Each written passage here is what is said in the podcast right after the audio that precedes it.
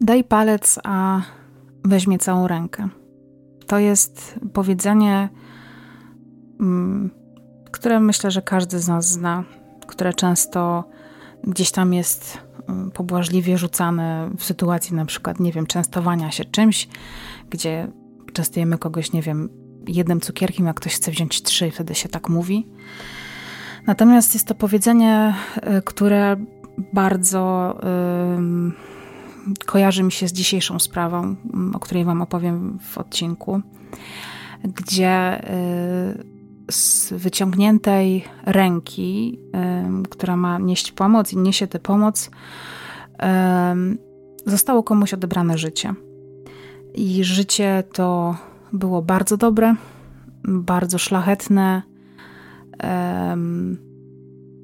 Życie Piotra Gruszczyńskiego. Od razu tutaj mówię, mm, o czyje życie chodzi. E, jest to sprawa, która e, gdzieś tam błąkała mi się po głowie właściwie od początku założenia tego podcastu, ale bałam się bardzo do niej podejść. Też na końcu tego odcinka wyjaśniam dlaczego. Ale jest to historia bardzo ważna do opowiedzenia. Mm, być może też e, sprawa, która trochę burzy stereotypy. I sprawa, którą mam głęboko w sercu e, i która mnie autentycznie bardzo, bardzo e, osobiście boli i mm, sprawia mi przykrość. E, zapraszam Was dzisiaj do wysłuchania historii zabójstwa Piotra Gruszczyńskiego i mam nadzieję, że mm, ta historia jest w stanie pomóc chociaż jednej osobie, która doświadczy tego wszystkiego, czego doświadczył Piotr. Zapraszam.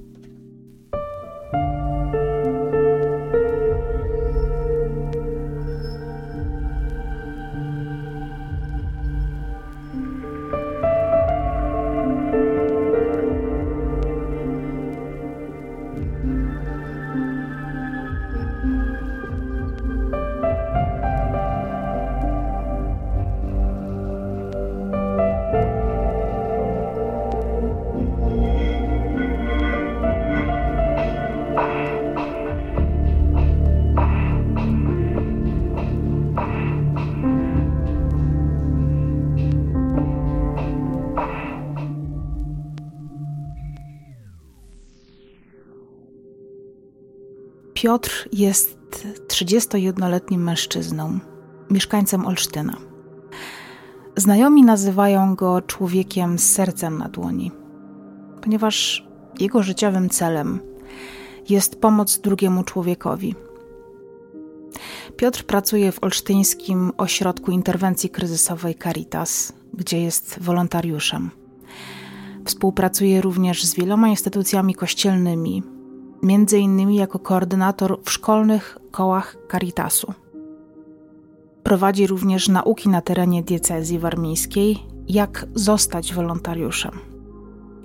Jest osobą mocno i głęboko wierzącą, a jego niespełnionym marzeniem było, czy być może nawet pozostaje w tym momencie e, historii, o którym opowiadamy, zostanie kapłanem a niespełnionym ze względu na to, że nie przeszedł rekrutacji w seminarium z powodu swojej niepełnosprawności.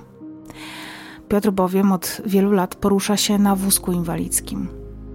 Jako czternastolatek jego mama wysłała go na operację ramienia, które było lekko skrzywione.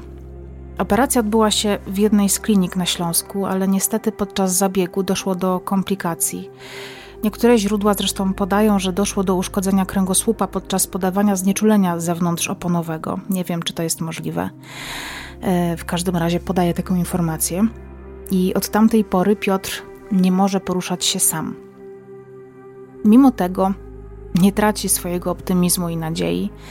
Regularnie chodzi na rehabilitację i gdzieś jeszcze w głębi serca wierzy, zarówno Piotr, jak i jego mama, że kiedyś uda mu się stanąć na nogi o własnych siłach. Piotr, chodząc jeszcze do liceum, służy jako ministrant podczas mszy. Uczęszcza na spotkania oazowe, rekolekcje. Po maturze decyduje się rozpocząć studia na Uniwersytecie Warmińsko-Mazurskim. Wybiera kierunek jedyny słuszny według niego, czyli teologię. Po ukończeniu studiów planuje dostać się do seminarium, i to jest jedyny moment złości Piotra na swoją niepełnosprawność, ponieważ właśnie ona zdyskwalifikowała jego aplikację. Podobno Piotr pokłócił się z jednym ze swoich kolegów ze studiów, nie potrafiąc zrozumieć, dlaczego nie może zostać księdzem. Ale po czasie jednak zaakceptował ten fakt. Stąd w dalszym ciągu udzielał się w przykościelnych instytucjach niosących pomoc.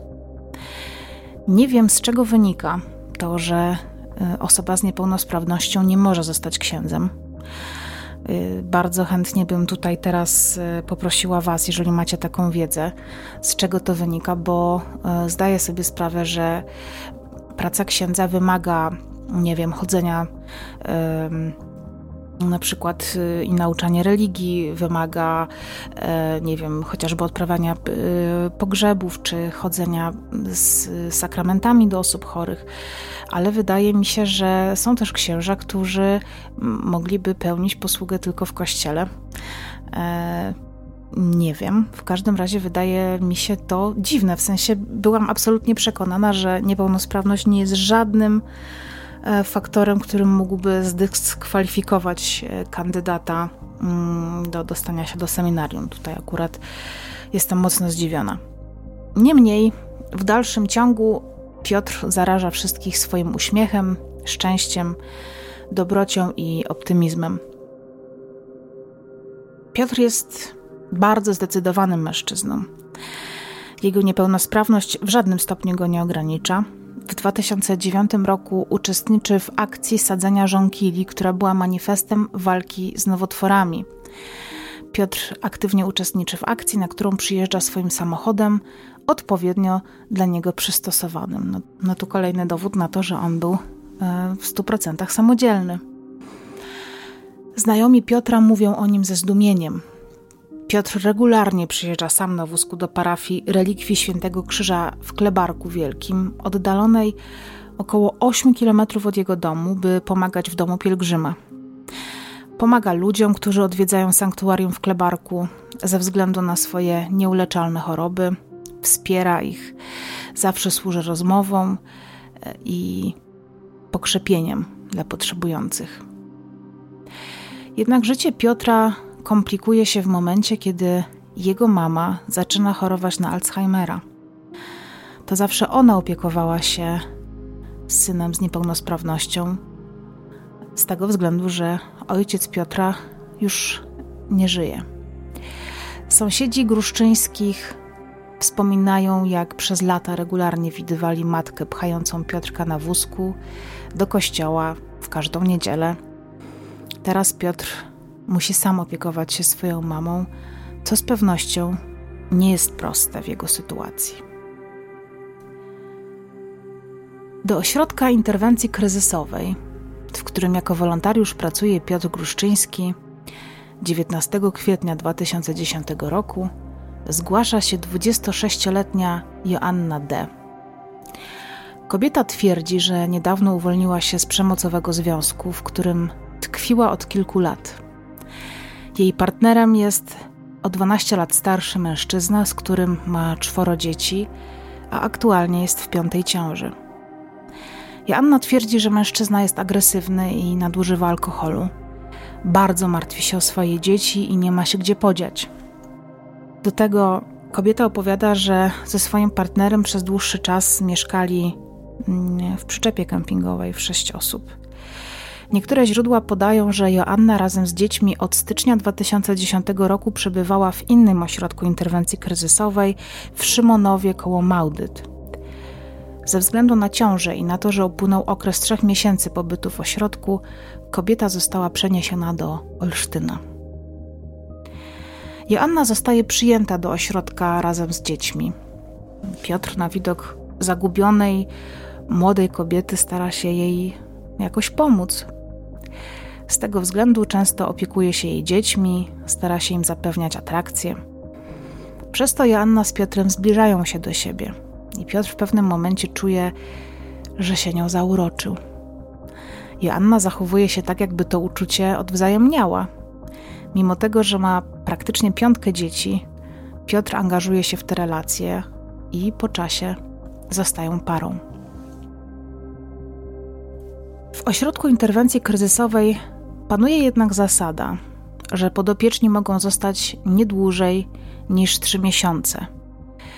Jest to zupełnie zrozumiałe, ponieważ żeby pomagać na bieżąco w kryzysie e, różnym osobom, e, ten kryzys też nie może trwać tak długo i te trzy miesiące to jest czas, żeby osoba, która tam trafia, przygotowała sobie od nowa swoje życie, ośrodek wspiera, pomaga i e, rozwiązuje problemy na tyle, na ile to możliwe. W związku z tym pod koniec lipca 2010 roku Joanna jest zmuszona opuścić ośrodek, ciąża jest coraz bardziej zaawansowana. Zaczęto więc analizować sytuację Joanny, taką życiową. Mm, I ona nieokreślona była e, jako patologiczna, była określona jako zła. Jej matka pracowała w PCK, ojciec z kolei uprawiał niewielki kawałek ziemi. I sytuacja Joanny zmieniła się, kiedy poznała 12 lat starszego mężczyznę, z którym e, obecnie ma pięcioro dzieci. Jej partner nadużywał alkoholu, mm, stosował wobec niej przemoc. Dlatego też kobieta postanowiła odejść ze względu na dzieci. I pracownicy ośrodka, do którego początkowo trafia Joanna, starają się jej pomóc, gdyż wiedzą, że kobieta wychowuje swoje dzieci z miłością i chce dla nich jak najlepiej. Ale jej sytuacja rodzinna jest taka, że odchodząc, znaczy właściwie to wiążąc się z tym starszym mężczyzną, nadwyrężyła te relacje rodzinne. Dlatego y, nie uciekła do domu, tylko do ośrodka y, interwencji kryzysowej i nie za bardzo mogła z tymi dziećmi do rodziców wrócić. Piotr zakochuje się w Joannie. Tuż po tym, jak matka czwórki dzieci ma opuścić ośrodek interwencji kryzysowej w Olsztynie, kobieta wprowadza się do mieszkania Piotra.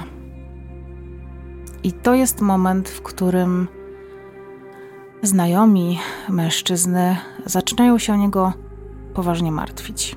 Ponieważ dla znacznej większości jego znajomych ten fakt nagłego zauroczenia i takiej olbrzymiej decyzji i odpowiedzialności, jaką za sobą niesie, przyjęcia kobiety ciężarnej z czwórką e, małych dzieci, mm, jest niepokojący. Wszyscy, którzy są blisko Piotra, starają się go przekonać, by nie podejmował pochopnych decyzji.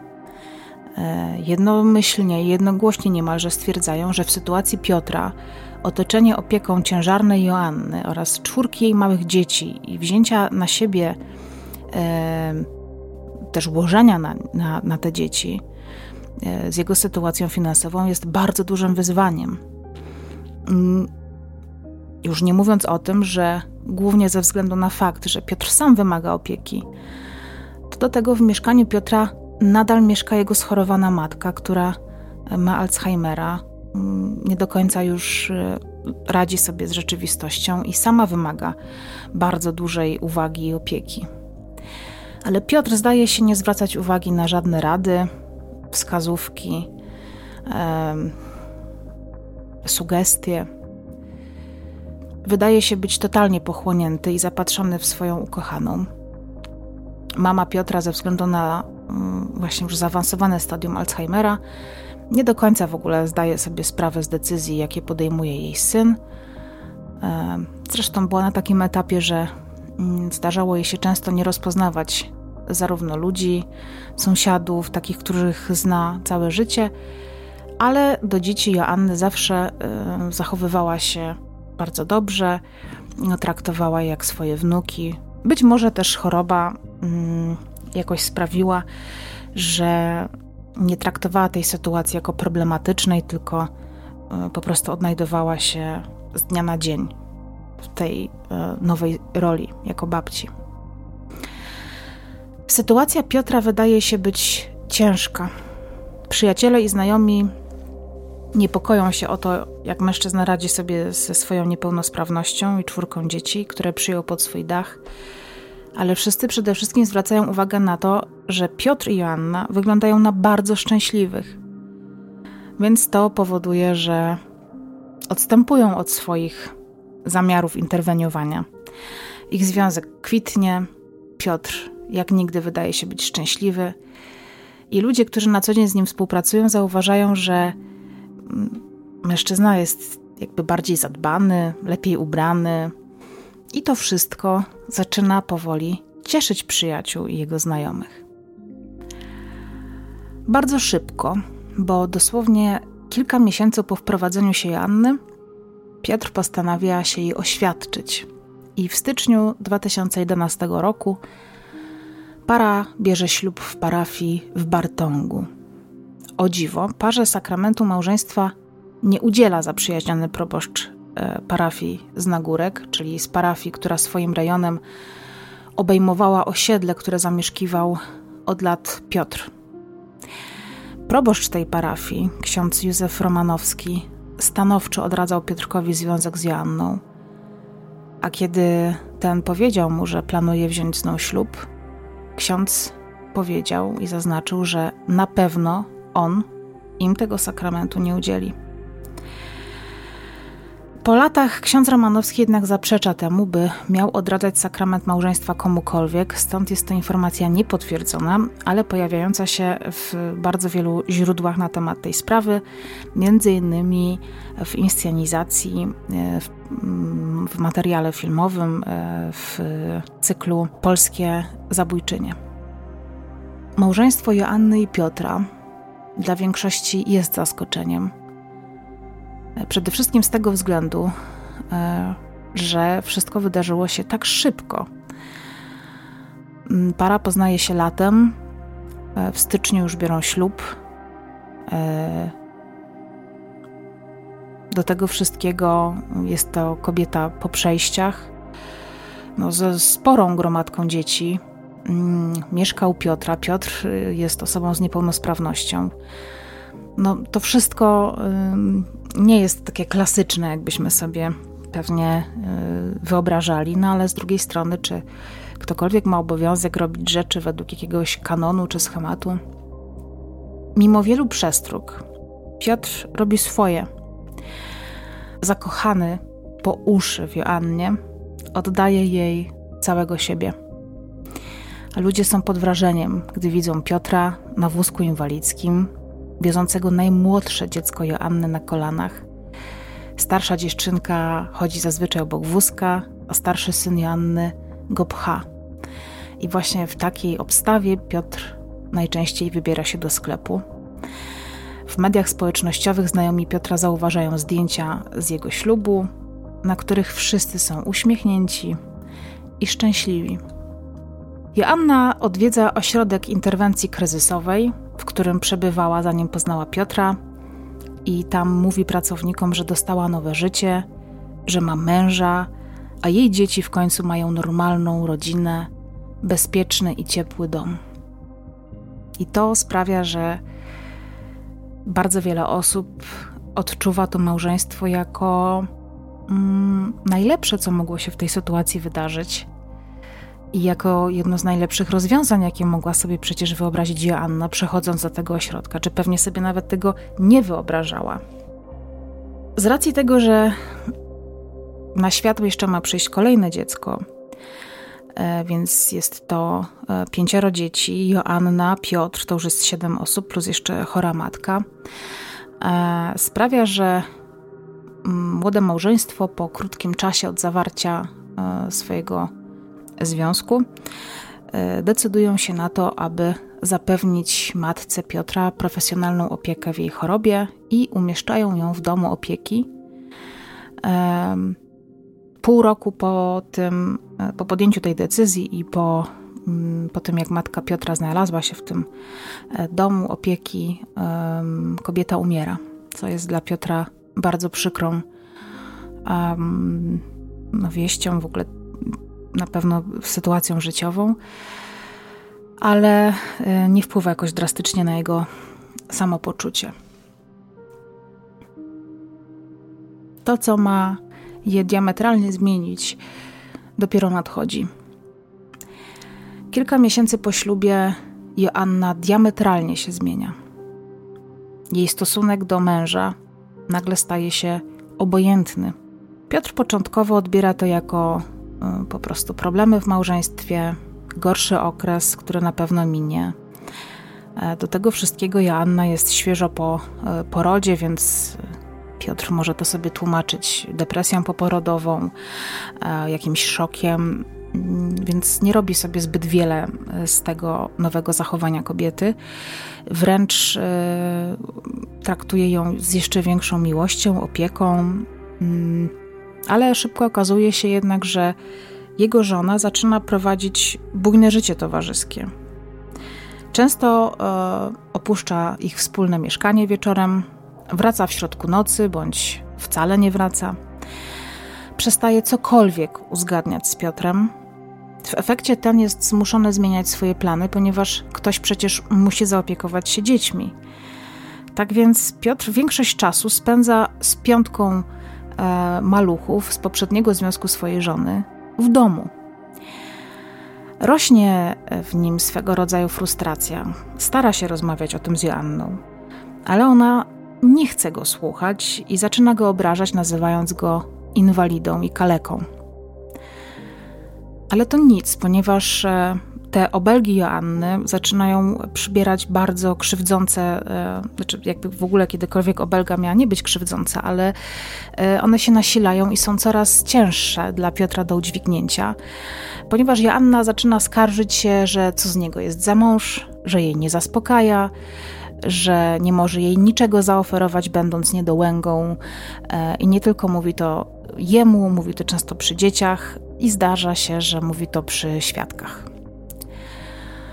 Mija rok, odkąd Joanna i Piotr są oficjalnie małżeństwem. Jest rok 2012, kiedy do domu Gruszczyńskich w roli przyjaciela Joanny zaczyna przychodzić Jacek, 40-letni sąsiad z klatki obok.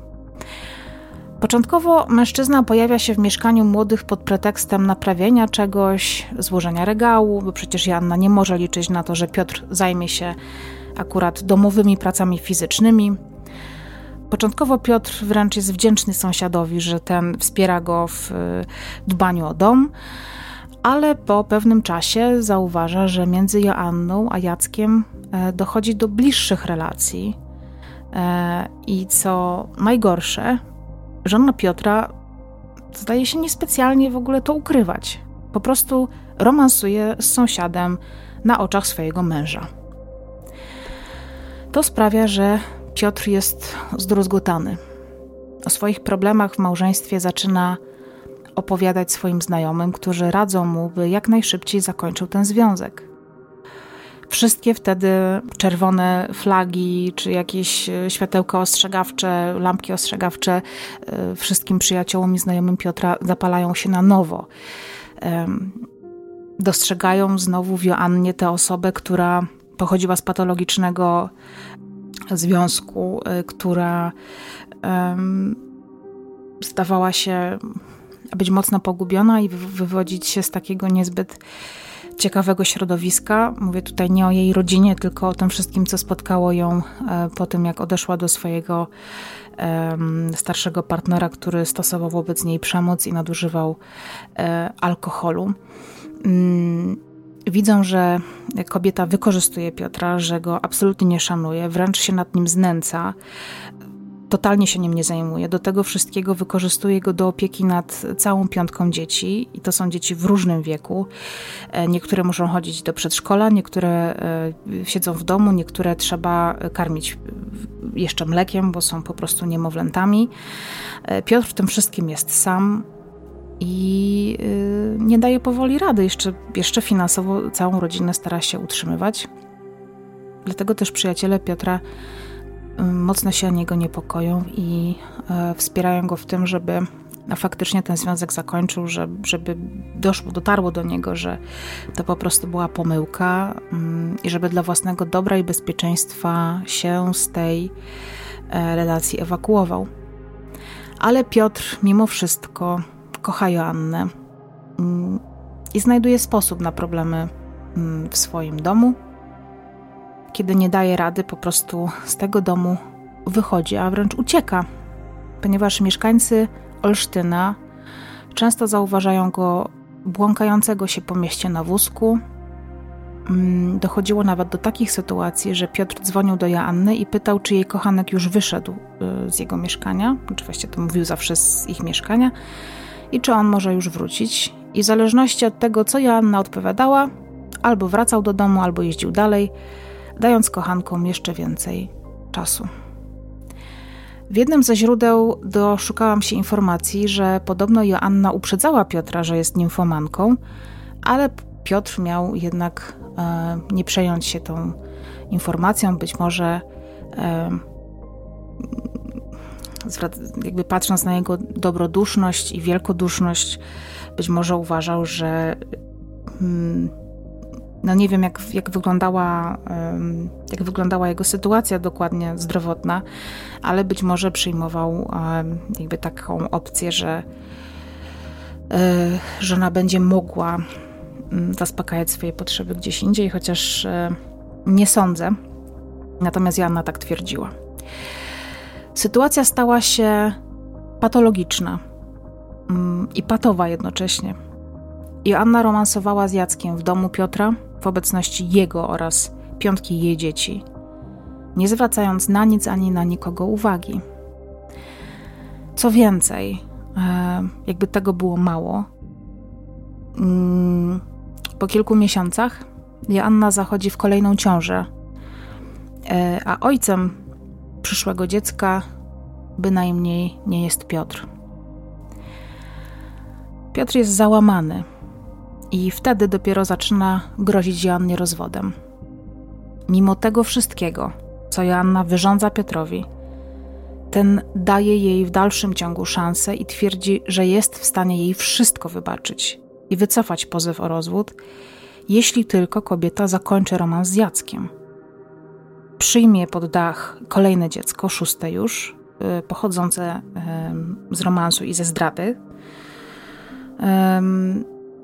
Byle tylko kobieta po prostu przestała i mm, Piotr przysięga jej, że wszystko będzie dobrze. Tylko musi go szanować i być mu wierna. Ale sytuacja się nie zmienia. Joanna w dalszym ciągu kontynuuje romans i to sprawia, że Piotr jest bliski temu, by podjąć decyzję o rozstaniu się ze swoją żoną. Wtedy też między Joanną a Piotrem dochodzi do kłótni, zresztą coraz częstszych, ale po tych kłótniach następuje zgoda, która trwa przez kilka dni, czasami tygodni. Znowu dochodzi do awantury i tak w kółko. Pewnego razu, dokładniej w styczniu 2013 roku, dochodzi do poważnej sprzeczki między małżonkami, w wyniku której zostaje wezwana policja. Sąsiedzi z klatki, w której mm, gruszczyńscy zamieszkują, widzieli jak Piotr na wózku wzburzony wyjeżdża z domu na schody. E, za nim wybiega Joanna, która krzyczy, wyzywa go.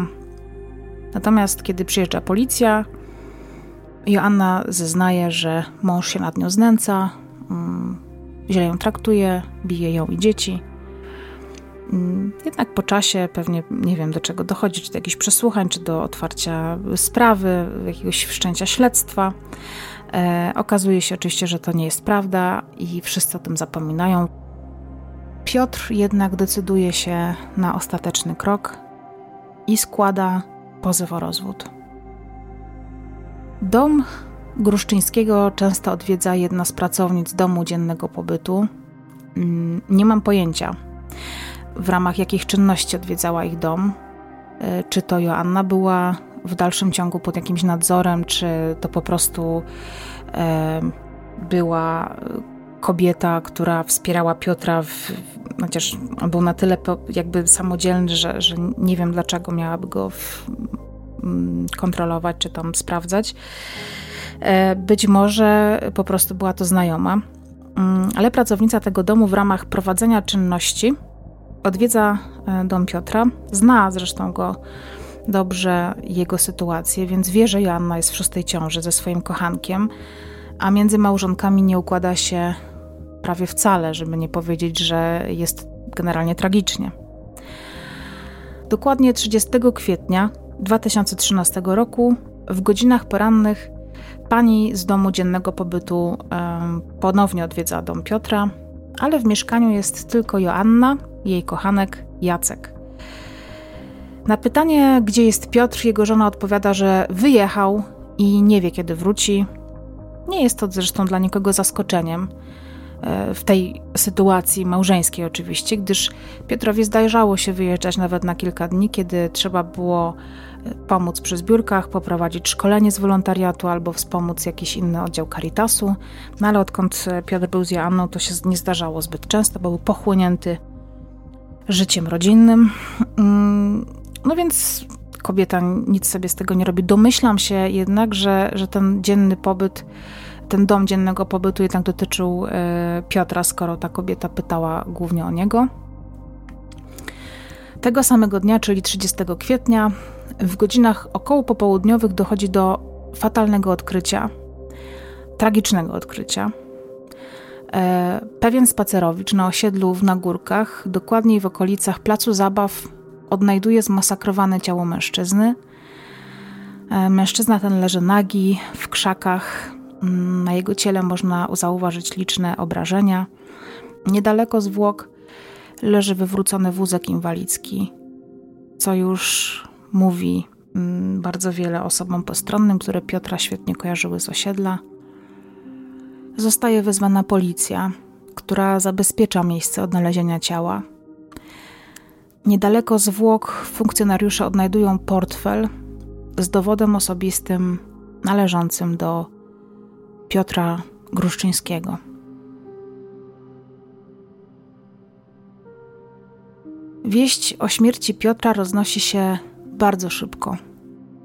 Policja w pierwszej kolejności odwiedza mieszkanie zmarłego, w którym e, zastaje Joannę wraz z Jackiem P., który zostaje przedstawiony jako przyjaciel rodziny. Kobieta na pytanie oficerów odpowiada, że nie ma zielonego pojęcia, co się stało z jej mężem, to znaczy, mm, znaczy wie, co się stało. On po prostu kilka dni temu wyjechał na jakiś czas y, z Olsztyna, mm, coś tam wolontariat, coś tam kościół. E, no i tylko tyle. No, generalnie nic złego się nie dzieje. I jest bardzo zaskoczona tym, że jej mąż nie żyje. Ze względu na liczne obrażenia na ciele Piotra zostaje zlecona sekcja zwłok, a jej wyniki szybko wskazują na to, że przyczyną śmierci było uduszenie. Policja już wcześniej zabezpiecza na szyi Denata skórzany pasek od spodni. Policja szybko namierza sprawców tego okrutnego morderstwa, stąd w pierwszej kolejności zostaje zatrzymana Joanna Gruszczyńska – czyli żona Piotra oraz jej kochanek Jacek P. Ale dlaczego doszło do tej zbrodni? Joanna, w momencie kiedy Piotr złożył wniosek o rozwód, poczuła się zagrożona. Ale oczywiście nie chodziło jej o męża, o to, że może go stracić, że jej małżeństwo e, skończy się rozwodem ale o to, że zostanie bez mieszkania, bez pieniędzy, że będzie musiała się wyprowadzić e, z szóstką dzieci. Wtedy wpada na plan, aby namówić swojego kochanka do zabójstwa Piotra. Jacek P. nie zastanawiał się długo, ponieważ jego y, żona, bo mężczyzna był y, żonaty, po pierwsze już go nie interesowała, po drugie y, nie zależało mu w ogóle na tym e, małżeństwie, więc co się z tą żoną stanie, tego nie interesowało. On już był skoncentrowany na mm, Joannie. Dobrze mu było z kobietą.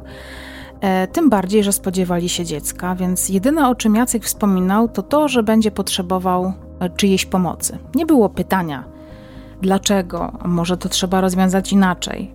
Y, jedyną reakcją mężczyzny na słowa jego kochanki to było to, że będzie potrzebował czyjejś pomocy. Tak też przez kilka dni werbował wspólnika do zbrodni. Każdemu przedstawiał to jako pomoc w nastraszeniu jednego mężczyzny, mówił, że chodzi o pobicie i tak też znalazł się chętny, którym stał się Łukasz K., 31-letni znajomy Jacka. 29 kwietnia 2013 roku wieczorem około 23 Joanna zaproponowała Piotrowi, że weźmie go na spacer. Piotr zgodził się bez wahania, ponieważ między małżonkami nie było dobrze. E, on powiedział o rozwodzie, kobieta e, zareagowała agresywnie, więc w momencie, kiedy mm, podeszła do niego, kiedy już wszystkie dzieci spały i zaproponowała mu e, przechadzkę po osiedlu, Piotr zapewne pomyślał, że to ma być jakiś początek rozmowy, jakiegoś dialogu, którym być może sprawi, że to małżeństwo będzie można uratować. Kiedy wyszli na spacer w ustalonym wcześniej przez kobietę miejscu, czekali już oprawcy. Miał to być za zakrętem bloku. Mężczyźni, czyli Jacek i Łukasz, e, przede wszystkim e, zaczęli od mm, uderzenia Piotra, tak żeby wyglądało to jak napad.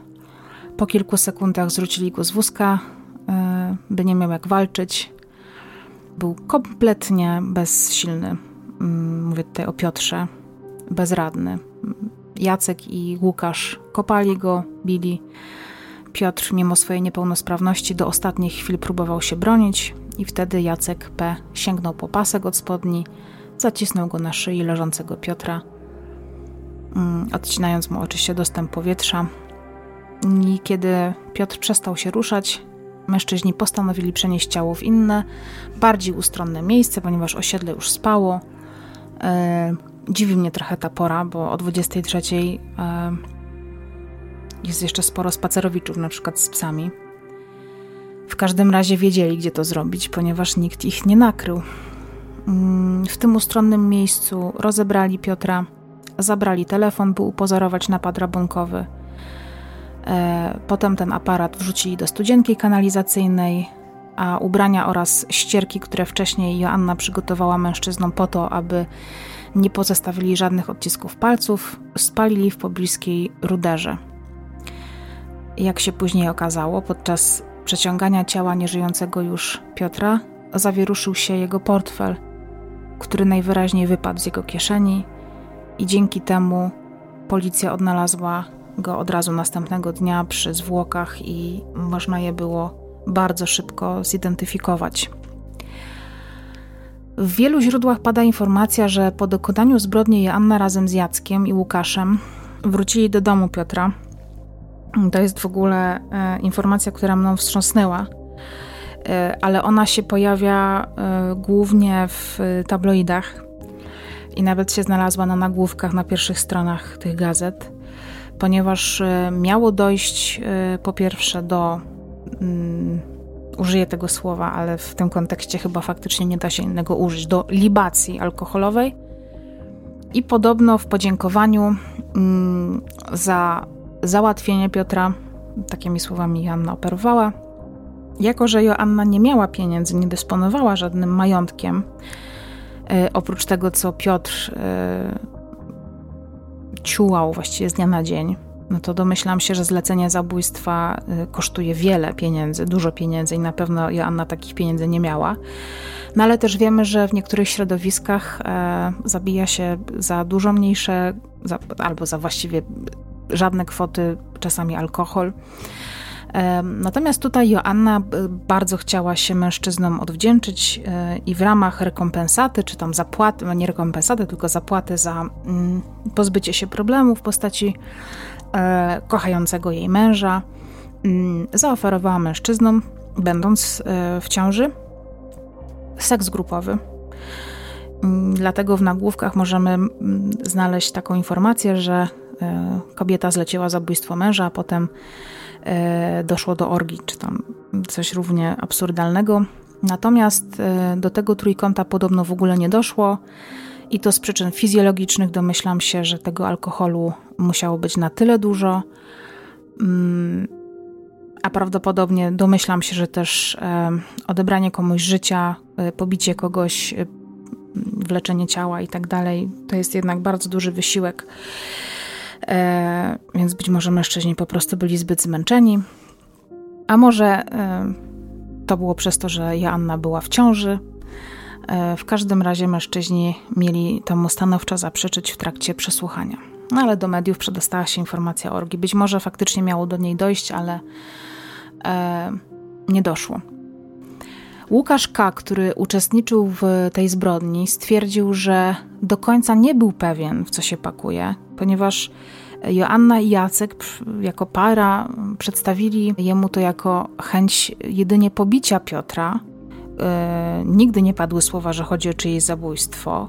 Uzasadniali to tym, że mężczyzna znęca się nad Joanną, dlatego Łukasz e, podszedł do tego honorowo.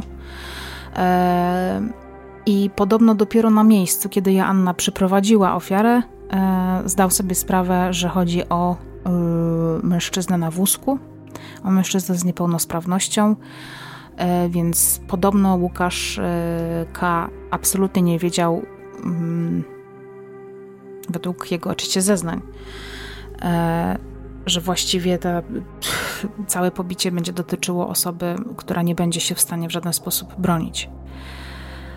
Podobno Joanna nie brała czynnego udziału w zbrodni, ale to ona była mózgiem całej operacji. Wszystko zaplanowała, zleciła kochankowi oraz znajomemu. Zapewniła im nawet rzeczy, mm, czy akcesoria do dokonania zbrodni, czy do zacierania śladów, e, ścierki. Mm, prawdopodobnie sama e, ścierała te odciski palców i ślady, tak by nigdy nie zostali e, namierzeni. Nie wiem, w jaki sposób wydawało im się, że mm, do tego dojdzie, że tak się stanie generalnie, że nie zostaną namierzeni, skoro um, pozbawili życia Piotra na jego właściwie własnym osiedlu. To ciało też ukryte było niezbyt dokładnie, skoro na drugi dzień zostało odnalezione. Nieopodal znajdował się wózek. No, rozumiem, że te dokumenty nie, ale na osiedlach no, nie żyje zbyt wiele osób poruszających się na wózkach inwalidzkich. Nie wiem w ogóle, czy mówi się jeszcze wózek inwalidzki. Um, więc na wózku.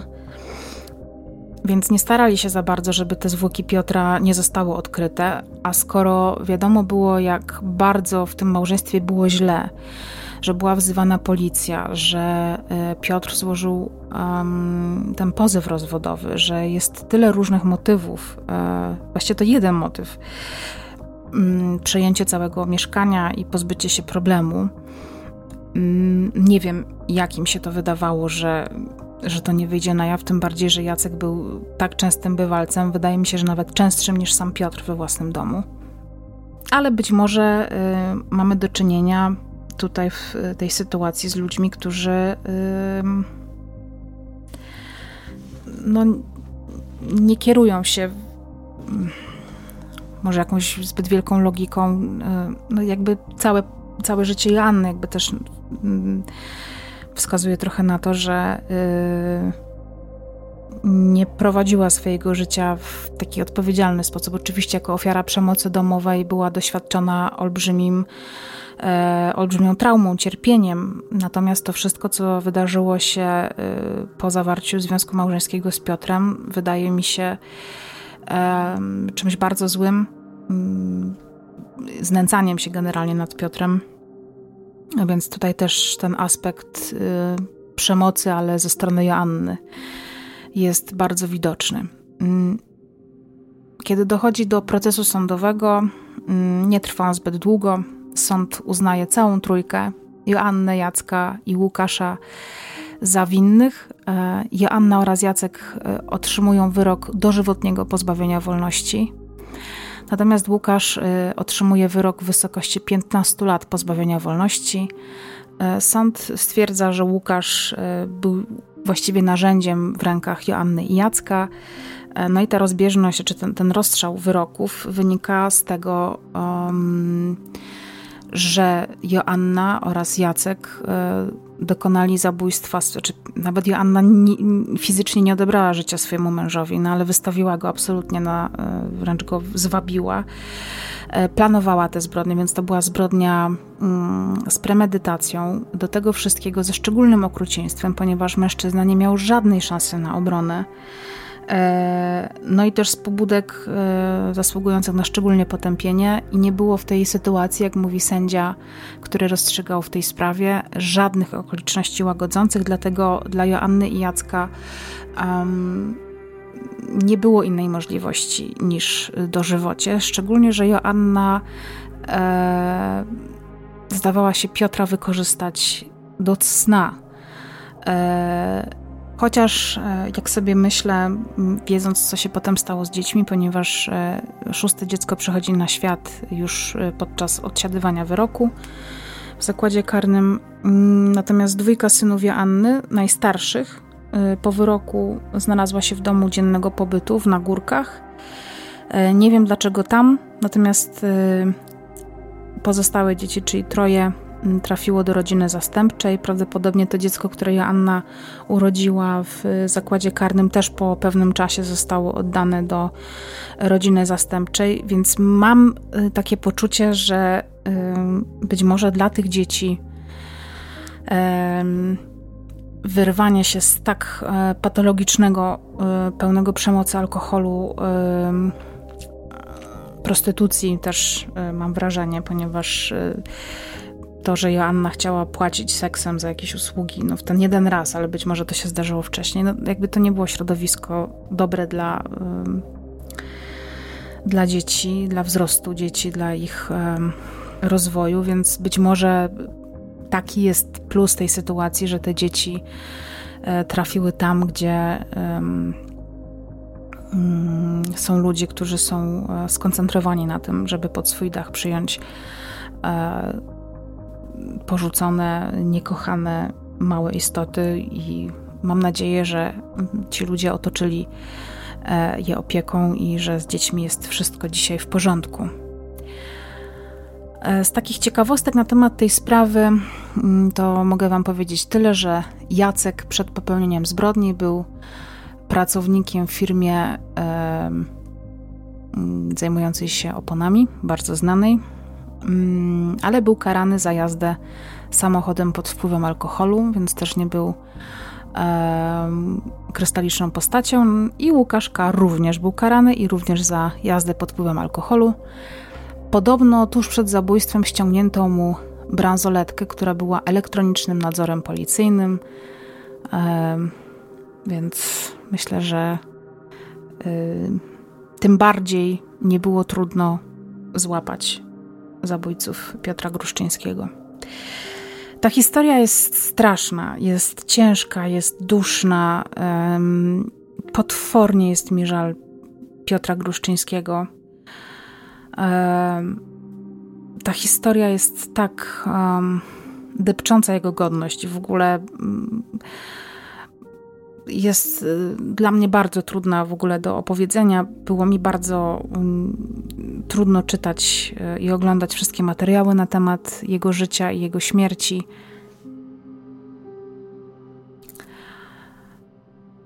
Bardzo możliwe, że y, takie mam odczucia, mm, bo ta sprawa niezwykle kojarzy mi się z, ze sprawą Tomka Jaworskiego, a właściwie z tym, mm, kim była Monika Szymańska która też e, Tomka mm, nie, nie zamordowała, natomiast e, zleciła to zabójstwo dwóm mężczyznom, którzy działali pod, czy nawet trzem chyba, nie pamiętam już dokładnie, bo staram się tę sprawę bardzo mocno wypierać. I działała jako właśnie szefowa tego gangu, sama otrzymując dożywocie, Jeden tam ze sprawców też chyba to dożywocie otrzymał.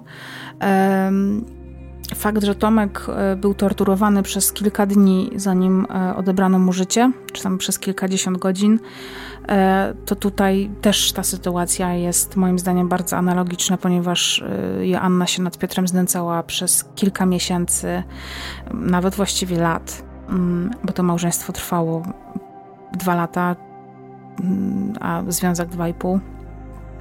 Właściwie to związek trwał trzy, czy tam od momentu poznania się do, do zabójstwa.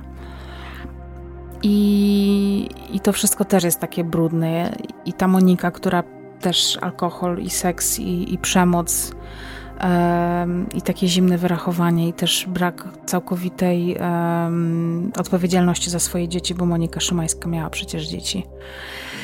E, także te dwie sprawy bardzo mi się ze sobą kojarzą, tym bardziej, że Tomek Jaworski był bardzo bezbronnym młodym człowiekiem, który właściwie starał się do samego końca negocjować, e, był miły, dobry, jakby poddawał się, e, sądząc, że być może dzięki temu uda mu się ujść z życiem.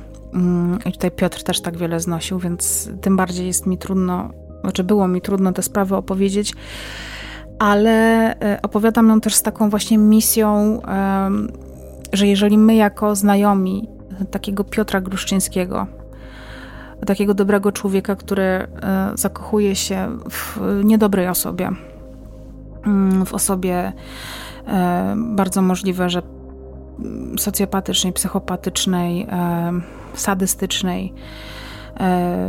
Chce te osoby uratować, mm, to nie poddawajmy się w, we wspieraniu tego człowieka, w opowiadaniu mu o tym, jak to się może skończyć. Być może ta historia kogokolwiek, chociaż jedną osobę e, prze, przestrzeże przed takimi fatalnymi mm, konsekwencjami, jakie miały miejsce w tej sprawie i wspierajmy osoby, które są ofiarami znęcania się i przemocy domowej.